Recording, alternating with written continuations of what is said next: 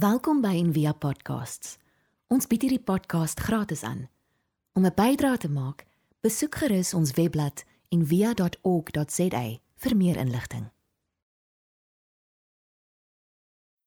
Dis nuwe jaar en iets wat fantasties is van die nuwe jaar is dat ons almal word bietjie kan man sê opgesaik dat um, daar's iets nuuts hier ons kan op 'n nuwe bladsy begin en dat ek hoef nie meer die ou goed te doen en dit waarmee ek sukkel hoef ek nie meer te sukkel nie. En dan maak ons wense en beloftes. En as jy soos ek is ek het so 'n arsenaal van beloftes wat ek wens hulle vervul kon gewees het maar iets het gebeur en hy val maar weer terug op die ou rotines. Die behoefte om gesonder te eet die behoefte om meer te bid of by kerk betrokke te raak of en dis iets slegs want dit maak ons moedeloos maar dit stuur ook 'n boodskap dat ons eintlik dit persoonlik maak en onsself so sien.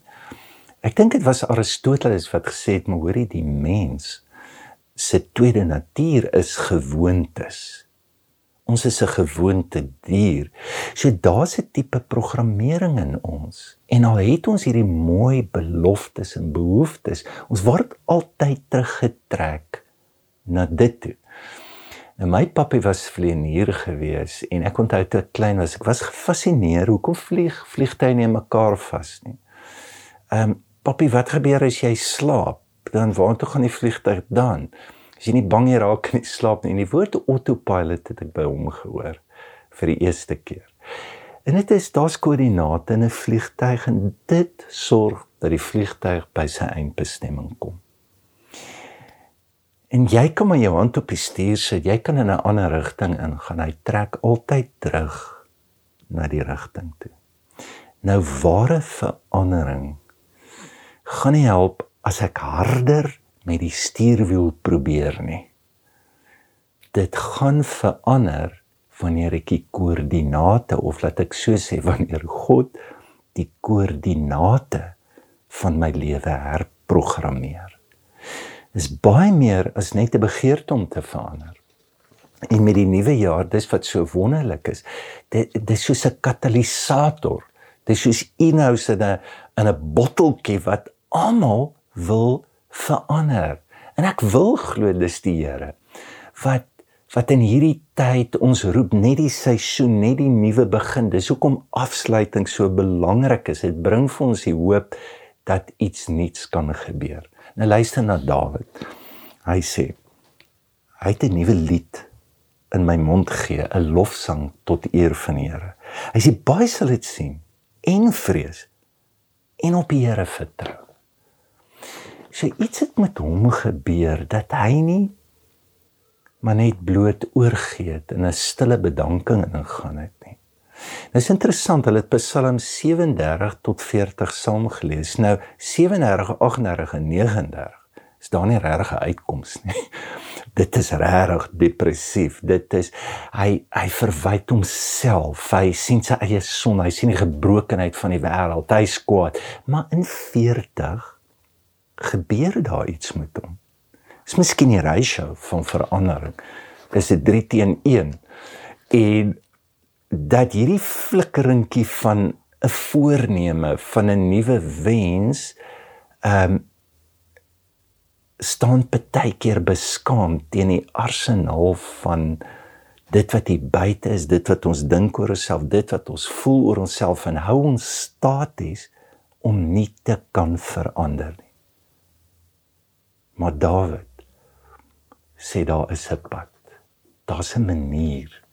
Nou in die Christelike tradisie, as jy as jy 'n woord moet soek, wat wat wat is die hoop? Wat is die boodskap? Is verandering. Ek sien 'n nuwe hemel en ek sien 'n nuwe aarde. Jy kan dit sien. En dis nie wensdenkery nie. Want jy kan dit ervaar, is presies wat Dawid sê. En binne hierdie verandering en hierdie belofte van hoop en dis die goeie nuus. Daar's 'n vaste patroon. En jy sien dit in Jesus se lewe. Daar's 'n oriëntasie, hy word groot, dan's daar disoriëntasie, lyding, kruisiging, sterfte en dan is daar heroriëntasie, 'n opstanding. En daar's die patrone en ons word uitgenooi in daardie patrone. Ons verkies eintlik net orde. Ons hou nie van war, wanorde nie. So in ons veg dis soos die stuwe. Ek sal nie deur hierdie donderstorm ry nie. Ek werk hierdie kant. Ons gee ons hele lewe vir orde. Nou julle het nou gehoor van um, Walter Bruggeman, hy's prof in die Ou Testament. So hy vat hierdie psalms, dan sal hy sien hier is die patrone in elke psalm of in die psalms wat jy kollektief saam lees, is daar's orde, daar's wanorde en daar's herorde oriëntasie, disoriëntasie en dan 'n heroriëntering. So miskien net vir hierdie jaar iets van hierdie patroon sê jy moet beweeg van dit na dit toe. Miskien net drie dinge wat ons veral in 'n moeilike tyd soos COVID wat ons moet beweeg van dit na dit toe. In die eerste plek is ons moet beweeg van realisme na geloof toe. So George Orwell het gesê en dis bietjie negatief. Hy het gesê hoor jy as jy aan jou toekoms wil dink, sien 'n ou wat lê in die modder en iemand trap op hom. Dit is seker 'n stuk harde realisme. Uh maar David gebruik ook die beeld en hy sê hoor jy het my uit die modder uit het hy my opgetel. Dis die Here. God is so goed vir my. En hy het vir my 'n nuwe lied in my hart sit. So die beskrywing van die modder is ook die uitnodiging. Dis seker die stuk realisme ook nou van sy lewe van ehm um, ek gee op. Ek is ek is klaar.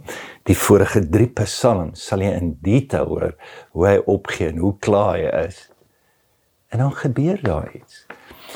Want geloof voor veronderstel 'n ander blik en 'n kyk op presies dieselfde goed.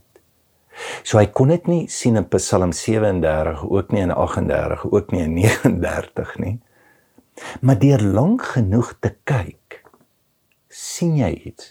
So en as jy lank genoeg kyk na omstandighede, jy sal die disoriëntasie sien en jy sal op dit beteken dalk die dood van my finansies, van my gesond, wat ook jy sien die dood maar die dood het nie die laaste sê nie.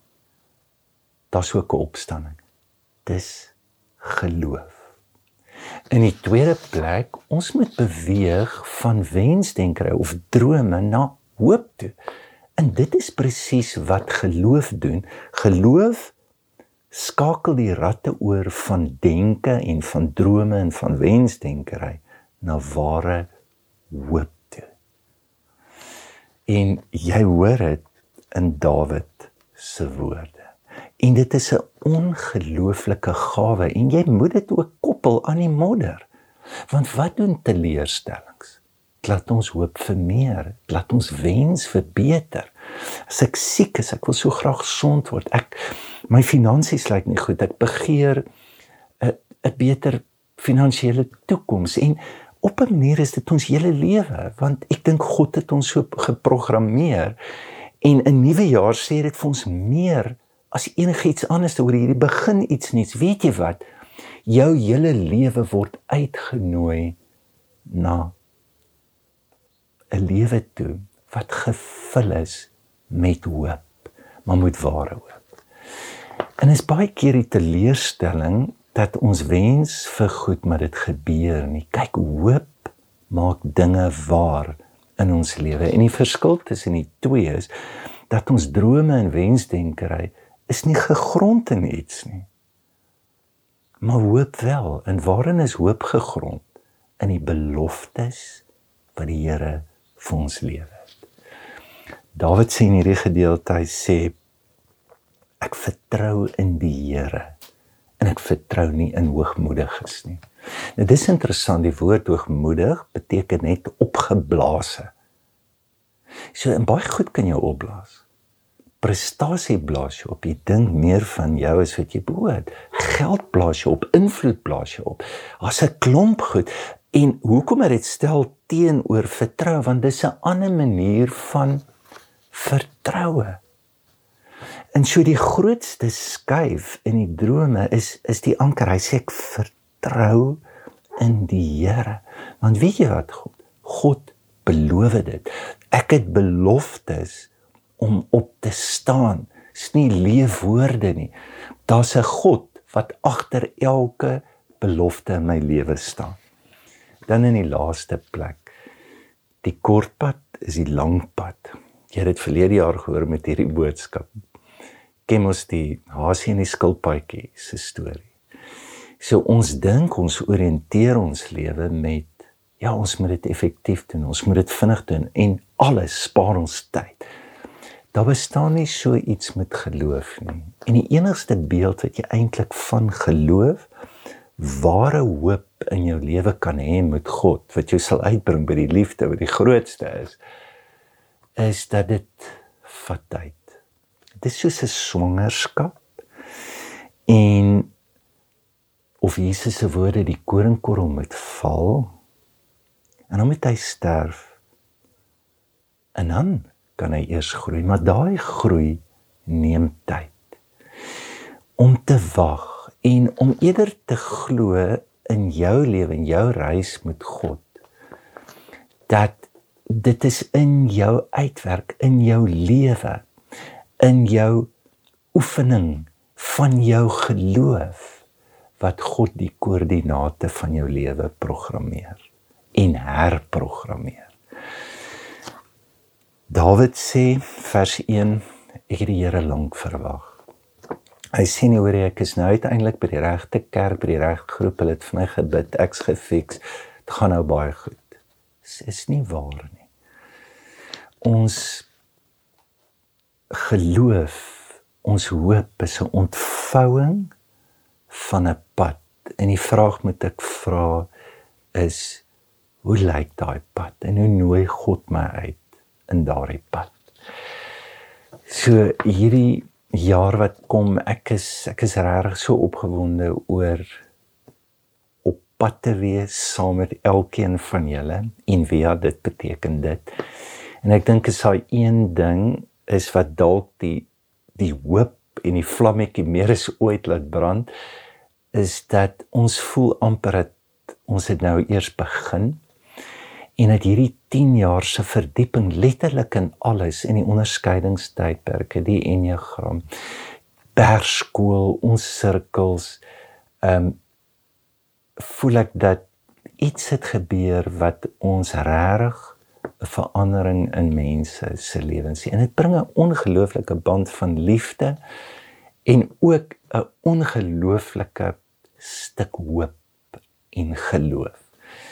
En mag jy ervaar hoe die Here al daai drome, daai wense anker in hom. Mag jou vertroue skuif in 'n diep diep wete dat God beloof oor jou die mooiste vir hierdie jaar en dat hy daar sal wees.